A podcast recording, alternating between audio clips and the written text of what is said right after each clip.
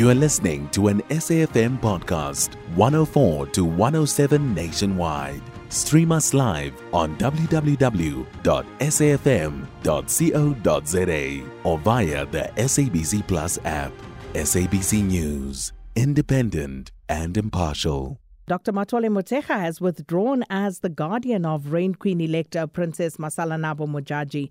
Now, um, uh, Dr. Motshekga has written to the High Court in Pretoria to withdraw as guardian and applicant in the interdict to stop the coronation of uh, Masalanabo's brother uh, as king of uh, Balobedu. Now, he's citing that he cannot afford the cost of the legal dispute between himself and the Modjadjis. So, for more, uh, let's uh, speak now to Dr. Uh, Matole Motshekga to find out exactly what is happening. Dr. Motshekga, thanks so much for your time. Welcome to Updated Noon. The version that we are presenting uh, is a misrepresentation not by you, uh, but by people who went to the Sowetan. I did not withdraw as a guardian of uh, Queen elect Masalama Modjadji. She turned 18 on the 20th of January, and by operation of law, I can be a foster parent of an adult. And therefore, I informed the court that uh, I also cannot participate in the proceedings before the court because the same court said that I had no locus standi. So uh, it is not about withdrawing as a guardian. It's simply that uh, I have no locus standi to uh, appear in court. So I have withdrawn my participation by law. And again, the situation is that uh, Mpapatla Modjadji, who I was contesting with, has ceased to be a regent. He also doesn't have a locus standi. But because the main players in the case have no locus standi before the court, it means the matter is dead under the water. There's no case before the court. So what remains is the fact that uh, Masalanabo Modjadji is the queen elect of Balobedu Royal Nation, and now she is effectively in office on the throne, merely waiting for a certificate of recognition from the president and the request is already on the desk of the president. And uh, we hope to get that certificate soon so that on the 11th of April, she will be coronated as the one and only queen of Balobedu Royal Nation. From 1800, Balobedu have been ruled by queens, and uh, no one can change that situation anyway, the law says if you want to contest, uh, you must not contest anything that happened before the 7th of September 1927. So people who want to you know, coronate a, a, a, a king, they do that out of ignorance, they do that out of greed, they do that out of disrespect for the uh, customs and traditions of Balobedu because they are actually not the genuine Balobedu. To be a genuine Balobedu, you must revere the dove, which is Kwebo, and the wild pig, which is Kolobe. Those people, Mpapata, Modjadji, Roni Mamweba, they are not the Kolobe, they are not Bakwebo, and therefore they are not royal Balobedu like me.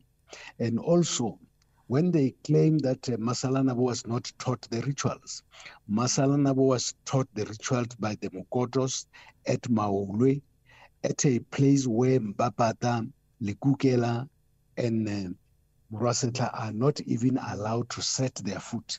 How would they train her uh, on rituals which take place at a place where they are not allowed uh, to enter? So uh, it's just that uh, they've tasted money because they have taken the money of the tribe, they have taken the money from land claims. There's even a case opened with the Hawks to investigate them for theft and fraud. And uh, they will soon be appearing uh, in court for theft and fraud because uh, all they want are riches and they want to grab a disinherit queen elect uh, for financial purposes.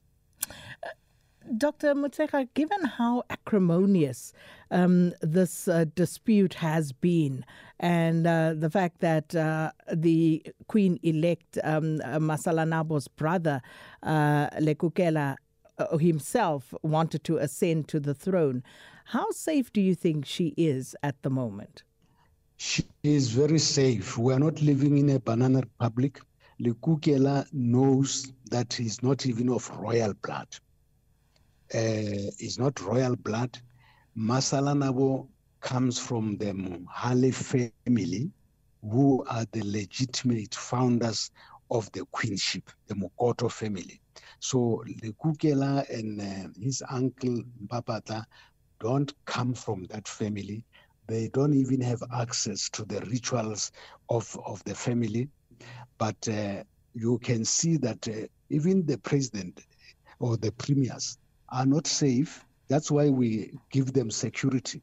So when she's coronated, she will be given security like uh, uh, Mesizulu. So security is not the issue, but the issue now is that she must finish her school and then she has established a royal family which is running the royal affairs. She has established Balobedu Royal Council who are running the day-to-day affairs of uh, the queenship.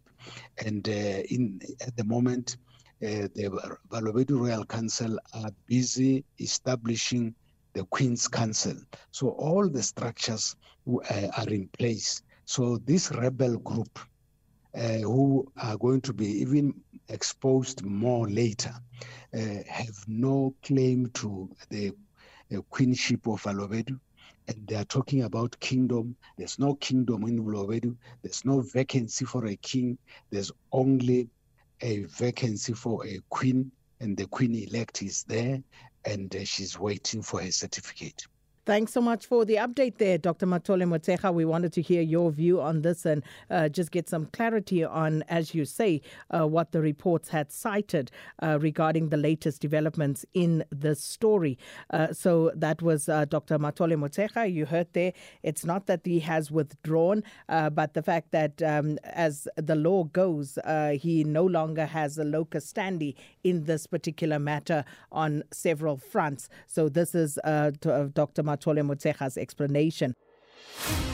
You can find SAFM Current Affairs on 104 to 107 nationwide. Our podcasts are available for download on all our digital platforms. SAFM, leading the conversation.